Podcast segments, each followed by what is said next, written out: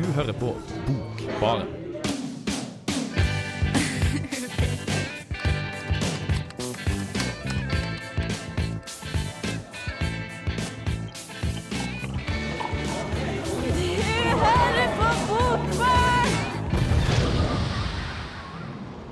Ja, Hei, hei, og velkommen til den første sendingen dette semesteret av Bokbarn. Jeg heter Hanna Malene Lindberg, og jeg skal være programleder i dag. Og med meg så har jeg Ingrid. Hei, Ingrid. Hei, Hanna. Hei, har du det bra? Ja, jeg er veldig glad for å være tilbake. Veldig deilig å prate om litteratur igjen på radio. Ja, Har det vært mye litteratur i sommer? Kanskje litt mindre enn jeg hadde planlagt, men det var jo så fint vær, så jeg ble litt sånn slapp av å lese så mye, så jeg måtte liksom bare ligge i skyggen og lukke øynene. Ja, men det er jo en fin sommer, det. Men det hva sommer, det. skal du ha med i dag til oss, da? Jeg har med meg en eh, klassiker, eller ja, eh, som er faktisk 25 år neste år, så et kvart århundre. Men den Milan Kundera, som sikkert mange har lest en boka, eh, som heter 'Udødeligheten', da. Så den handler om hvordan skal du gjøre deg selv udødelig. Og det tenker jeg at passer litt i disse dager hvor det er veldig viktig å promotere seg selv i fadderuka og vise hvem man er. Så hva er det som kan gjøre deg så viktig, mye viktigere enn alle andre, da? Ja, nei, Det er godt å vite. Eh, selv så har jeg med 'Stockholm sier' av Victoria Durnak. Den er ikke 25 år gammel, men den er fire fra 2010. eh, Og handler om hvordan man skal komme seg gjennom i en ny by. Så der er vi også litt på studiestartkjøret, holdt jeg på å si. vi er det. Og, du var vel i Stockholm i sommer, var du ikke det? Jo, det har jeg også. I Stockholm har jeg vært. Holdt på å si. Det er god syntaks. Eh, I tre uker var jeg i Stockholm og lærte om svensk språk og litteratur. Så det burde jeg liksom kunne noe om nå. Så jeg har da lest veldig mye i sommer, både pga. kurset, og så har jeg også vært i Nord-Trøndelag og passet på kyr i fem uker. Og da har man ganske mye tid mellom melkinger, så da har jeg lest mye sutrete menn som har det fælt i livet sitt. Så det er jeg lei av nå. Ja, du, har, du er veldig lei av det nå, men du syns at det ga deg noe da du satt her med alle dyrene? Var det bedre med sutrete menn enn kyr, eller var det grei, grei blanding? Jeg tror egentlig jeg liker kyr best. Du liker kyr best, Ja, jeg liker kyr bedre enn sutrete menn. Det er veldig slitsomt med sånn 'Å, hun elsker meg, hun elsker meg ikke'. Dette er da Hans Jæger, eh, som er veldig veldig slitsom. Og så har jeg også prøvd å lese litt Prost. Så det har Oi. vært mye Ja. Mye sånn livet mitt og livet mitt. Og dette er jo da ja, kanskje greit å lese om sommerferien hvor man har tid til å liksom bare ha det fint. Så kan man andre få lov til å sose. Yes. Jeg tror kanskje det var det vi skulle si inntil videre, så da skal dere få en sang som heter The Pains Nei, det heter den ikke. Den heter Simple and Sure fra The Pains of Being Pure at Heart, som var på Klubb Stereo helgen, så det er kult. Hei, det er Pedro Carmona Alvarez. Du hører på Bokbaren på Radio Revolt.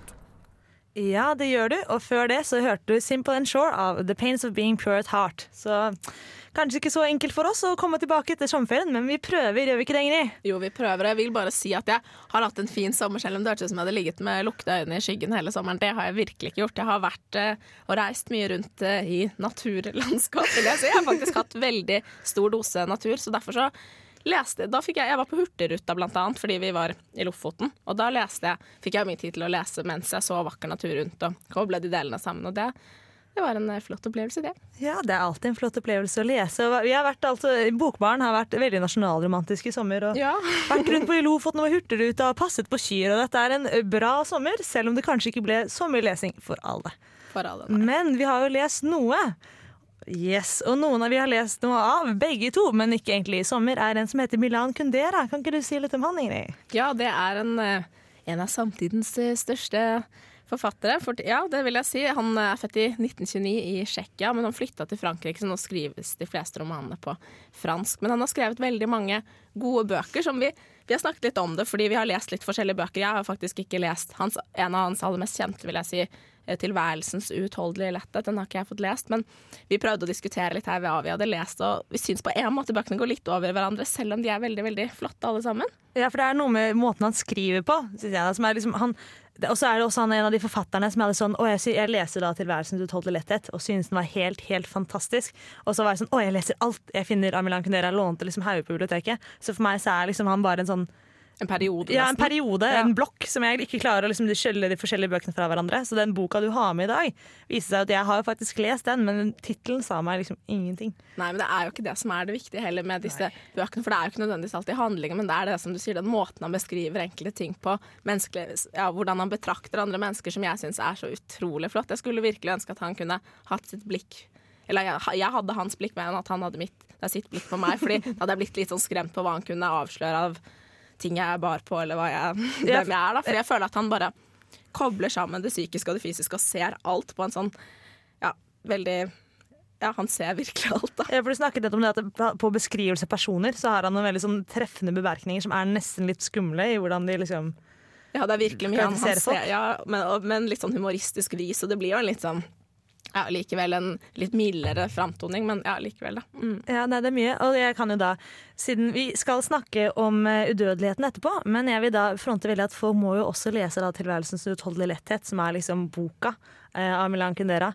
Eh, som er en veldig veldig vakker bok, og den ga meg veldig ro i sjela. For der er det eh, Det handler egentlig om eh, en fyr som heter Thomas og hans kone, og mye videreverdigheter. I Tsjekkia eh, tror jeg den er situert. Men så er det veldig fint, for det på et tidspunkt så han jobber egentlig som lege.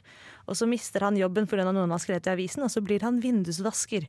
Eh, og så er det veldig sånn, fint, for han slår seg så veldig til ro med det å gå på arbeid. Og så er liksom ikke jobben livet ditt. Å ha en jobb som du på en måte egentlig ikke relaterer deg til eller bryr deg noen ting om. Og det er jo kanskje beroligende studiesatirer, Fordi da tenker man sånn Å nei, hva skal jeg bli med denne utdannelsen? Særlig hvis du går på HF på Dragvoll og får vite hele tiden at du blir ingenting.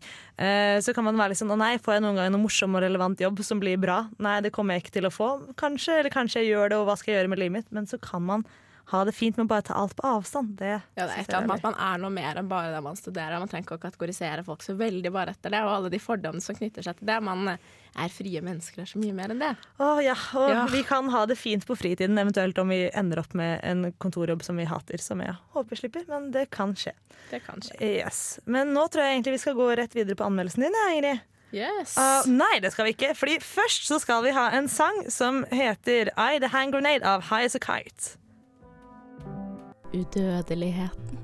Sjekkeren Milan Kundera hylles av mange for sin særegne nysgjerrighet, sine kloke ord og humoristiske bidrag til eksistensielle spørsmål. Hans forfatterskap troner blant samtidens største, og kanskje er det ikke så rart at en snart 25 år gamle roman fremdeles glitrer av livsvisdom. Kundera har valgt tittelen Udødeligheten, som alene har svært mye å leve opp. Hvordan kan noe, eller noen, inngraveres i historien? Hvordan kan du leve evig? Litt senere, da jeg ville se på henne igjen, var svømmetimen over. Hun gikk langs bassenget i badedrakt, og da hun var kommet fire-fem meter forbi svømmelæreren, snudde hun hodet mot den, smilte og vinka. Hjertet mitt gjorde et hopp. Dette smilet, denne gjesten, tilhørte en kvinne på 20. Hånda hennes hadde sveva med henrivende letthet, som om hun hadde kasta en fargerik ball til værs mens hun lekte med elskeren sin. Både smilet og gjesten var fulle av sjarm og eleganse, mens det ikke fantes sjarm igjen i ansiktet og kroppen. Det var en håndbevegelsessjarm drukna i kroppens ikke-sjarm. Sjøl om kvinnen måtte vite at hun ikke var pen lenger, glemte hun det i dette øyeblikket. Men hvis deler av oss sjøl lever med alle utafor tida, kanskje vi er bare oppmerksom på vår egen alder i enkelte unntaksøyeblikk, slik at vi for det meste er aldersløse? I alle fall, i det øyeblikket hun snudde seg, smilte og vinka til svømmelæreren, som ikke klarte å holde seg mer og brass i latter, ante hun ingenting om alderen sin. Takket være denne håndbevegelsen ble et vesentlig trekk med hennes sjarm, som ikke avhang av tiden, avslørt og blanda med et øyeblikk. Jeg ble merkelig rørt. Og ordet Agnes dukka opp i tankene mine. Agnes. Aldri har jeg kjent noen kvinne som har båret det navnet. Med et motsetningsfylt søstreforhold som rammefortelling trekker Kundera tråder, lager knuter, stiller spørsmål og finner svar rundt udødeligheten. Her får vi møte Bettina som søker majoritetens anerkjennelse. Ja, vi har vel alle vært der noen ganger. ved å insistere på et dypt kjærlighetsforhold til Goethe. Andre som også har satt sine spor, som Beethoven og Hemingway, får også litt plass.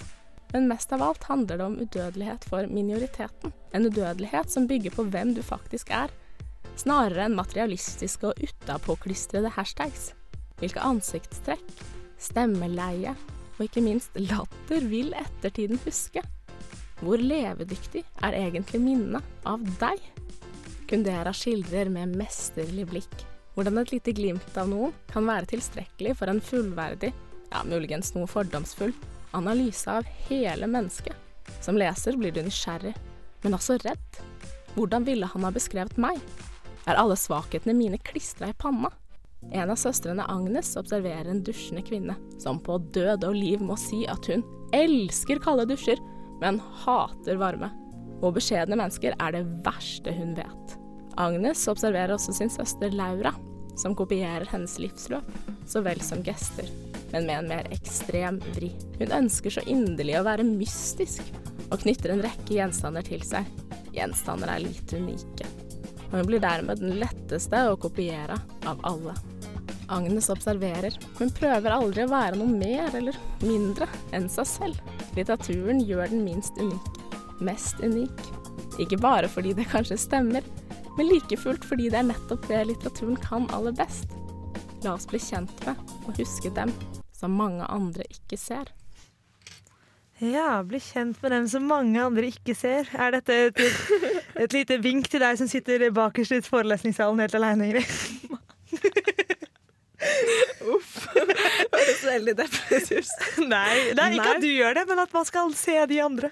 Ja, men det syns jeg jo at litteraturen er veldig god på. Da. Det var det jeg mente. At man virkelig Vi får jo innblikk i folk som kanskje ikke er så veldig sånn utapå, da, så er det ikke så lett å se. Så virker de kanskje litt sånn anonyme, men egentlig får vi jo virkelig innsikt i alle deres tanker og interesser og meninger, og vi blir jo virkelig kjent med folk som kanskje ikke ser så spennende ut på utsiden, da. Det er det jeg mener at de kan skrive seg inn i det. De kan i skrive seg inn og Mm. sove oss alt. Og det er jo mye rart som tydeligvis da kan skrive oss inn. Og det er ikke nettopp nødvendigvis det man legger igjen av skrift eller ord, men det kan være ting i kroppsspråket ditt tydeligvis som er Kundøra som trekker fram her i hva man husker hos mennesker. Ja, det er veldig den, det utdraget som jeg hadde med i anmeldelsen, som også du snakket om. Og det var jo det jeg fortalte deg om, eh, som også gjorde at du huska at oi, den boka her har jeg faktisk lest. Og det var også det en venninne av meg som anbefalte boka, hun sa liksom også at det var dette her med at kroppsspråket lever videre. da, at et kroppsspråk, at liksom, For det er så ofte at jeg ser en person som jeg syns det er noe kjent med, og så jobber jeg på spreng og er det en kjent skuespiller, kanskje spilte i en sånn barnefilm da jeg var liten, altså jeg leter i alle mulige kategorier jeg har. Eh, og så viser det seg kanskje bare at det er noe litt likt over en, da. En håndbevegelse, et lite smil i munnviken eller et eller annet sånt. Og det syns jeg er så flott at det er sånne ting som vi kanskje ikke vet at det er udødelig, som faktisk blir udødelig med oss. Da, og ikke de der utapåklistrede tingene som egentlig bare blir tingene, og ikke den, det mennesket som, som de tingene er knytta til. Da. Ja, Det er de små tingene man husker best for å være god og klisjéfylt. Og plutselig Ja. så ser du at du skriver G-en din på lik måte som noen andre, og så Ja, blir det sånn Å, shit, jeg skriver som mamma. Og, Og det var et fint ja. eksempel. ja, det et veldig fint Jeg eksempel. syns det var litt søtt, jeg. Ja, Stjålet fra Harry Potter. Hei, hei. Å ja. Det er jo så avslørte jeg, men det kunne du vært udødelig. Han har bare kopiert det andre. For det er jo det også denne boka handler om. om de som bare Sånn som hun Bettina, som prøver å skrive seg inn, skriver masse masse kjærlighetsbrev til Goethe for at alle skal huske henne, for hun var den som var sammen med Goethe. Så, eh, men da blir hun huska på en måte med Goethe. Altså, det er ingen som kjenner til hvem hun egentlig var som person. da.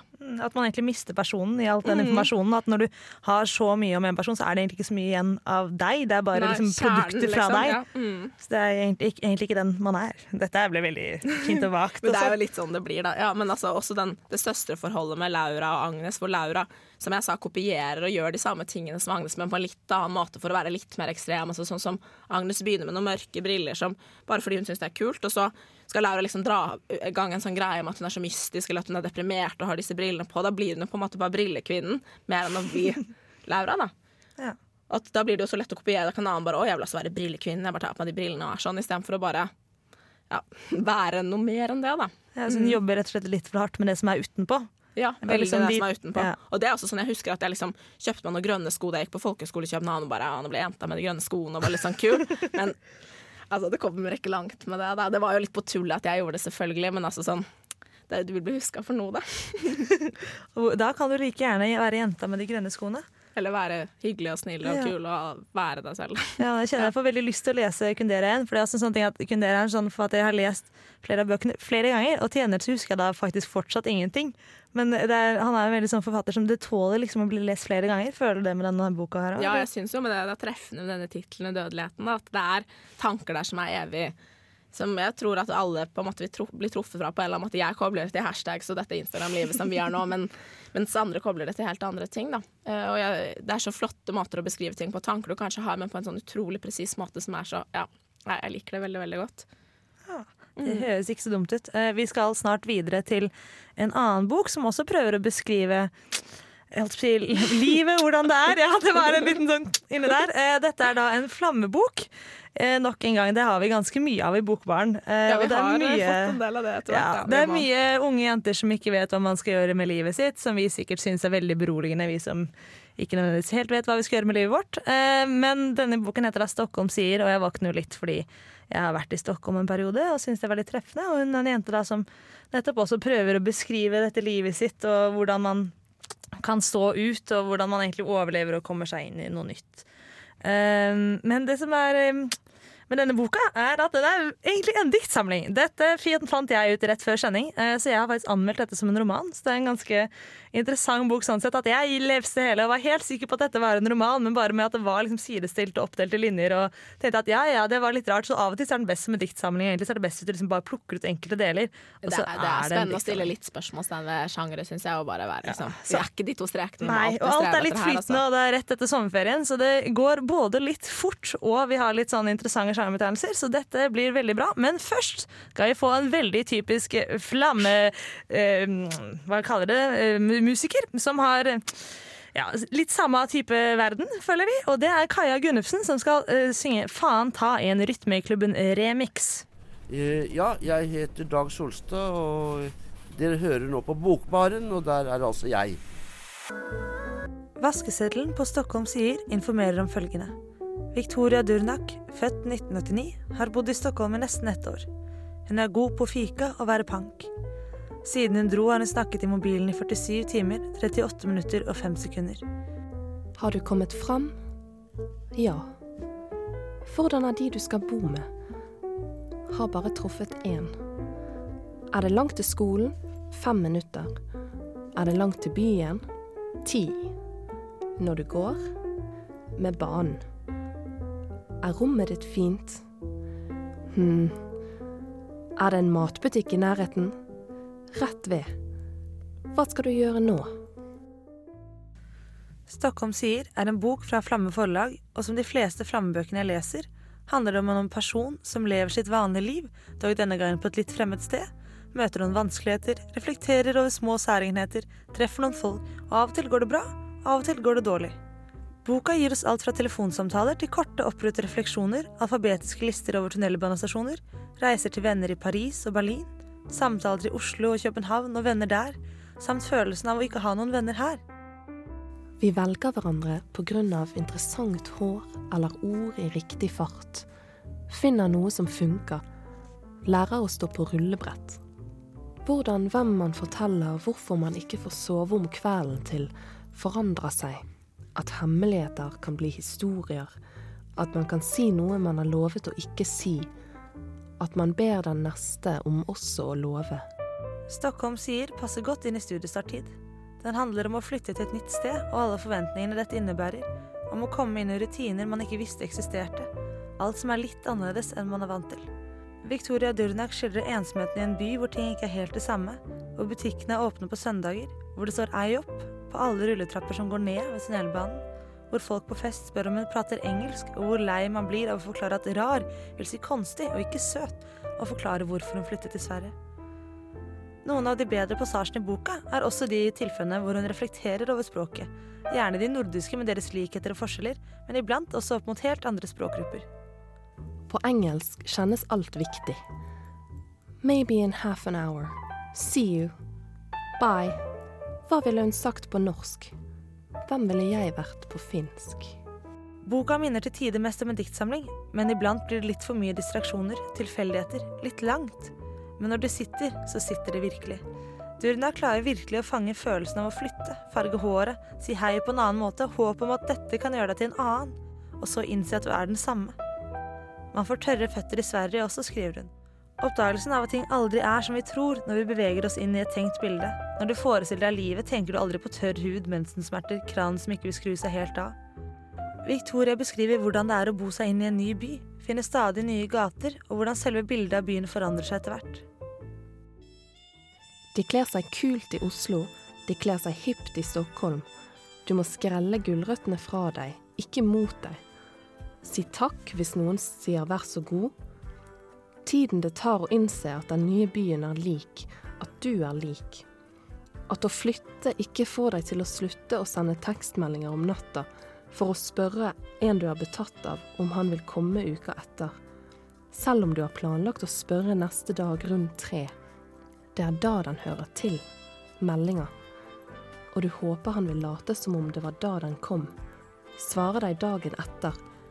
Som om du ikke var verdens mest utålmodige, og du lurer på hvor mange muligheter du har til å spørre på feil tid. Stockholm sier er full av gjenkjennbare passasjer du kan både smile og gråte av. En bok du kan ta ut av bokhylla og lese en liten bit av rett før du legger deg.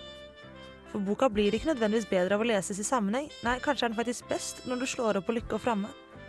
Så kan du dele erfaring med Victoria om at man ikke kan stole på de som ikke spiser frokost.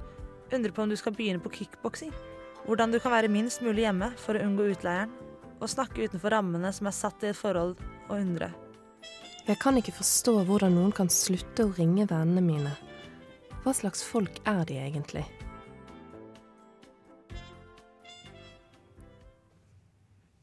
Ja, hva slags folk er egentlig det? Det undrer Victoria Durnak på i Stockholm sier, som er den boken jeg har med til Bokbarn denne uken.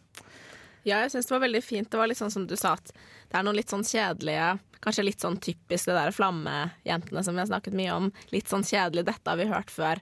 Men så var det også noen av de utdragene som du valgte som jeg syns man fikk eh, Det var litt sånn litt alternativt, litt originalt, litt rare betraktninger på ting eh, som, eller, ja, som jeg syns, ga meg noe, altså.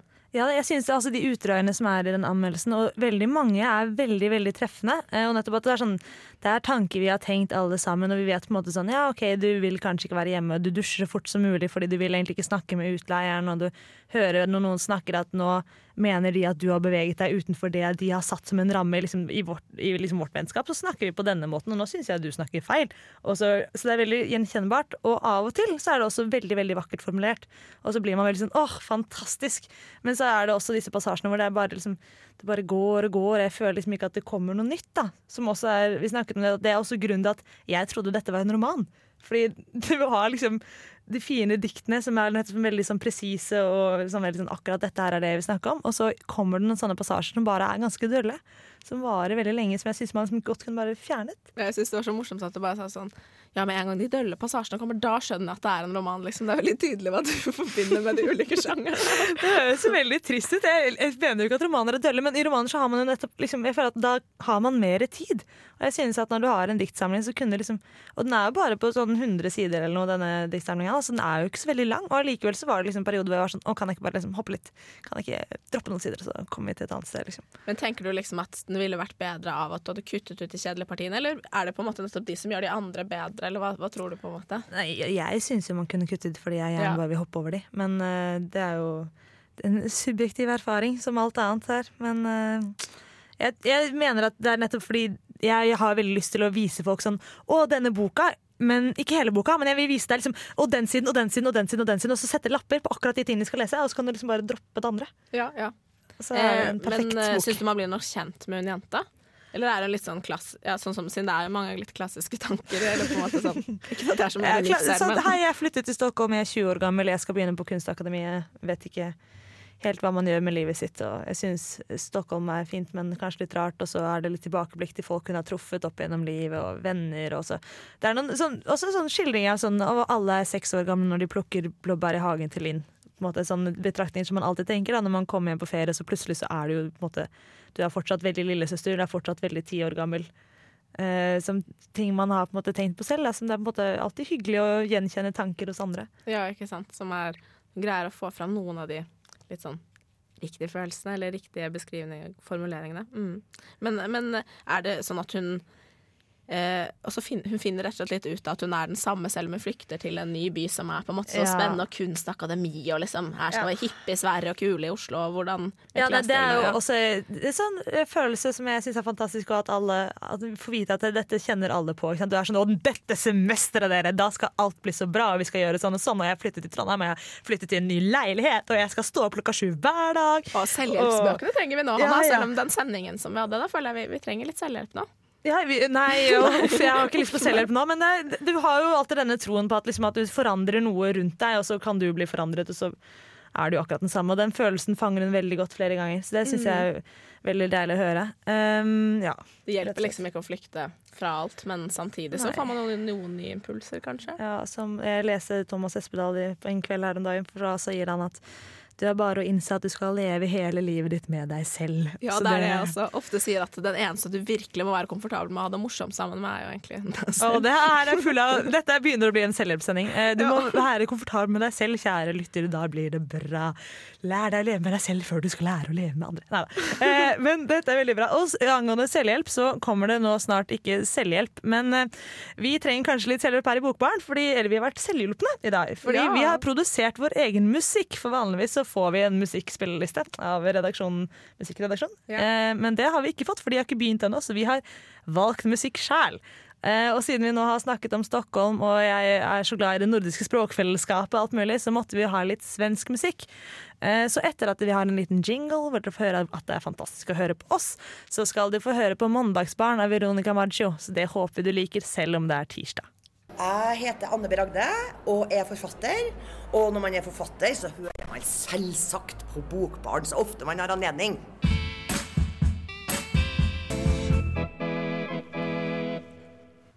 Yes, Det var en hilsen til alle mandagsbarn der ute, selv om det ikke er noen i studio i dag. Nei. Nei, men sånn er det. Men Veronica Maggio kommer faktisk til Trondheim 31. oktober, alle sammen, på Samfunnet.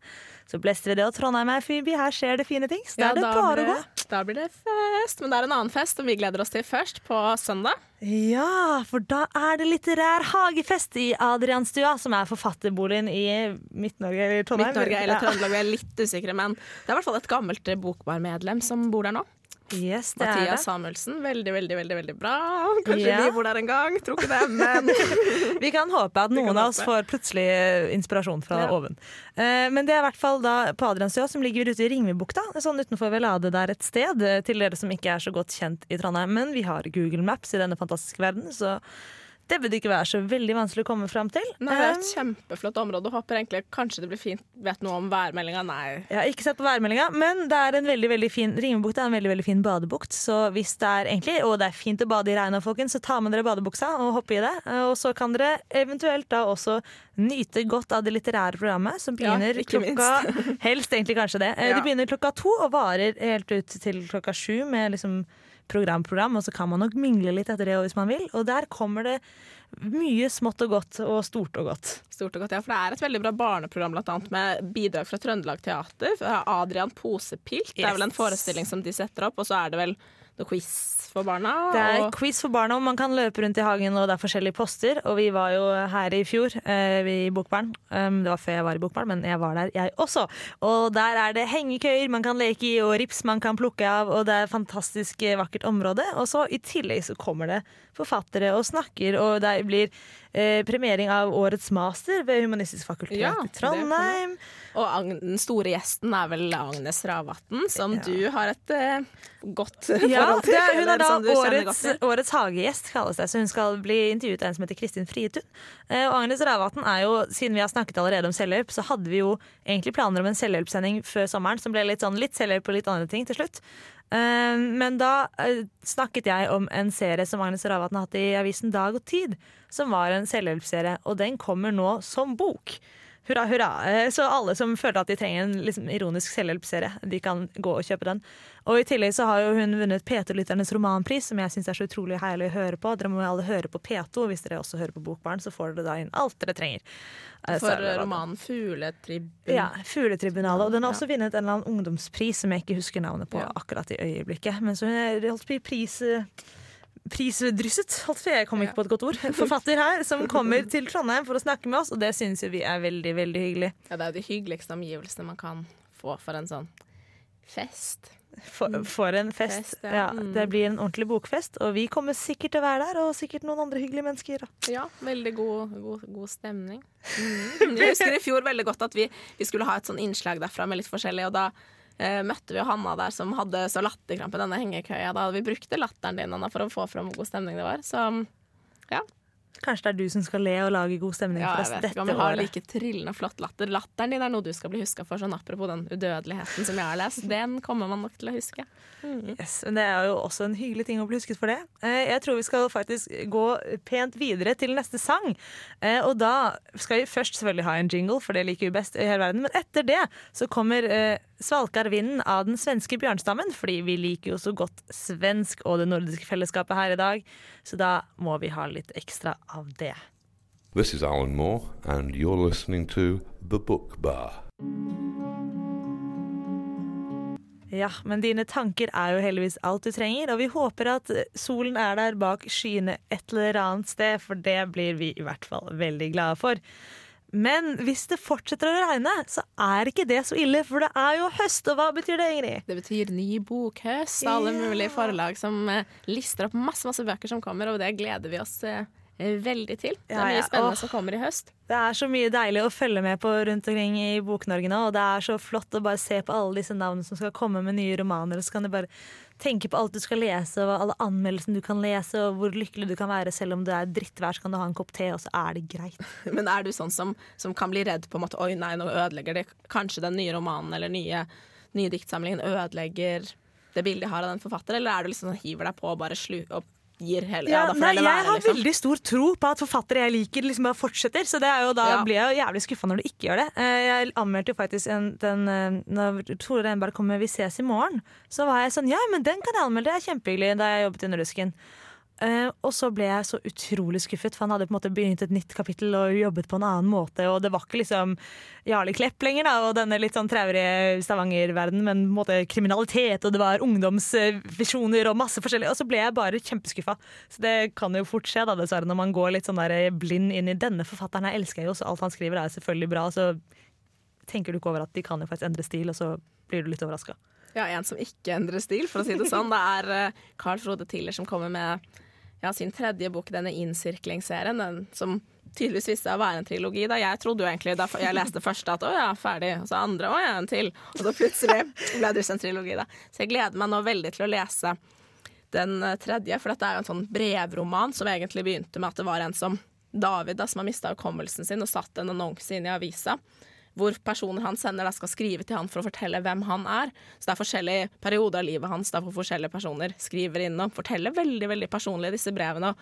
Um, og vi blir jo på en måte like godt kjent med dem som David, men det har virkelig dannet seg et sånn univers rundt han nå, da. Eh, så jeg følte på at sånn, skal vi bare la David forbli en hemmelighet, eller skal vi virkelig finne ut hvem han er? Så jeg er spent på om jeg har hørt at David selv skal få komme til orde nå, da. Mm. Ja, så her skjer det noe nytt. Her skjer det noe nytt, Her ja. noe nytt. Mens eh, det jeg gleder meg kanskje aller mest til denne bokhøsten, er at Thomas Espedal skal komme med en ny bok. Eh, og han er også da en bok. Ja, men, smiler jeg gleder meg så mye at jeg ikke kan stå stille.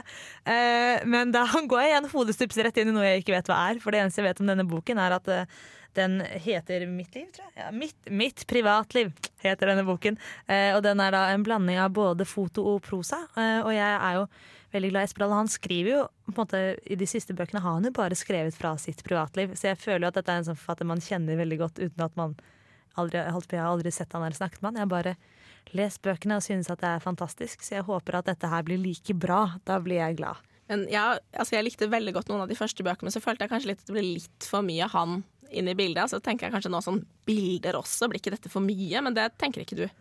Nei, altså da Det er til å hoppe over litt, da, vet du. Det er min hopper over. Hopper over det vi ikke liker. Neida. Men jeg, jeg liker jo veldig godt Jeg syns jo hans privatliv på en måte er jo ikke så mye det som skjer, men hvordan han reflekterer og tenker om det. Så derfor er syns jo- jeg det er greit. Det er ikke det at jeg vil vite så veldig mye om hvem han si, har seg med eller gifter seg med, eller sånne ting, men jeg synes måten han tenker på livet på er veldig fin, så derfor så har jeg ikke noe problem med at det kommer litt mer fra ham. Ja, det er jeg enig i, altså. Men jeg syns han gjør det bedre enn mange andre, men kanskje bitte, bitte, bitte litt for mye. Ja, det er, jeg tror nok han er litt arrogant, men Litt eh, det er helt greit. Og så kommer jo også Johan Harstad med en ny bok. Han er kanskje ikke så arrogant, men det blir ganske surrealistisk som regel uti der. Ja, ute Eh, der, ja, ja, men det, De starter ofte ganske greie, og så plutselig så skjer det veldig mye rart i Harstad sine romaner. Men det er jo alltid en liten eh, hyggelig overraskelse at det skjer noe nytt. Men her skal det nemlig også skje noe nytt. Hva Å, skjer her? er så god på Åh, jeg er så på! Det skal, jeg skulle virkelig ønske jeg kunne plinge glasset nå, men eh, for vi trenger jo noen nye medlemmer til dette flotte, flotte, morsomme programmet.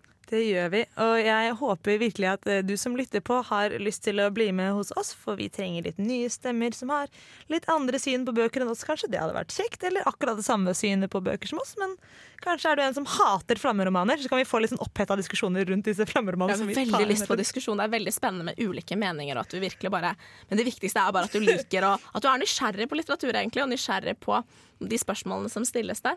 Og sjangere og forskjellig. At du bare virkelig har interesse av dette. da Virkelig ordentlig interessert. Mm. Ja, og det er ingen uh, krav på noen ting. Jeg snakker altfor fort, og jeg får fortsatt lov til å være her, så det er veldig hyggelig. Så lenge du er hyggelig og grei og kul, så Og gjerne danse litt til låtene når de spilles. uh, når dere ikke ser oss, holdt jeg på å si. Ja, ikke sant? Vi er, vi er oss selv, og det får du også være, for å si det sånn, på ordentlig godt litteraturspråk. ja, det kan gjerne komme litt klisjeer innimellom, det blir vi bare la- lattermilde av. Det er absolutt veldig, veldig hyggelig at folk kommer med litt klisjeer. Dette er veldig, veldig bra. Ja. Ja. ja. Men vi har vel egentlig en klisjé til på laget, men jeg vet ikke om vi skal komme, skal vi komme med den helt enda? Vi kan vel begynne å snakke litt om den avslutningslåta? Ja. Og vi snakker veldig rundt grøten i deg, det beklager vi, kjære lytter, men vi håper du har det fint der ute i Trondheimsregnet allikevel. Men du er jo antagelig, forhåpentligvis kanskje, student i Trondheim. Kanskje er du ny student i Trondheim, og da er det ikke sikkert at du har fått med deg at NTNU har en kjærestegaranti. Eh, Dette er veldig veldig kjekt. Så hvis du ikke får deg kjæreste i løpet Jeg vet ikke hva som skjer hvis de bryter garantien. Jeg vet ikke, men eh, kanskje en, vi får litt sånn klager og Ja, det er en kjærestegaranti der ute, så da måtte jo vi eh, dra den litt langt. Og så har vi med låta 'All You Need Is Love' av Beatles, som også blir film dette semesteret. Takk for at du hørte på. Dette her har vært Bokbaren. I studio har vi Ingrid Klein Skarholt, er Skarholt, Hanna Marlene Lindberg, og tekniker er Ingvild Aas.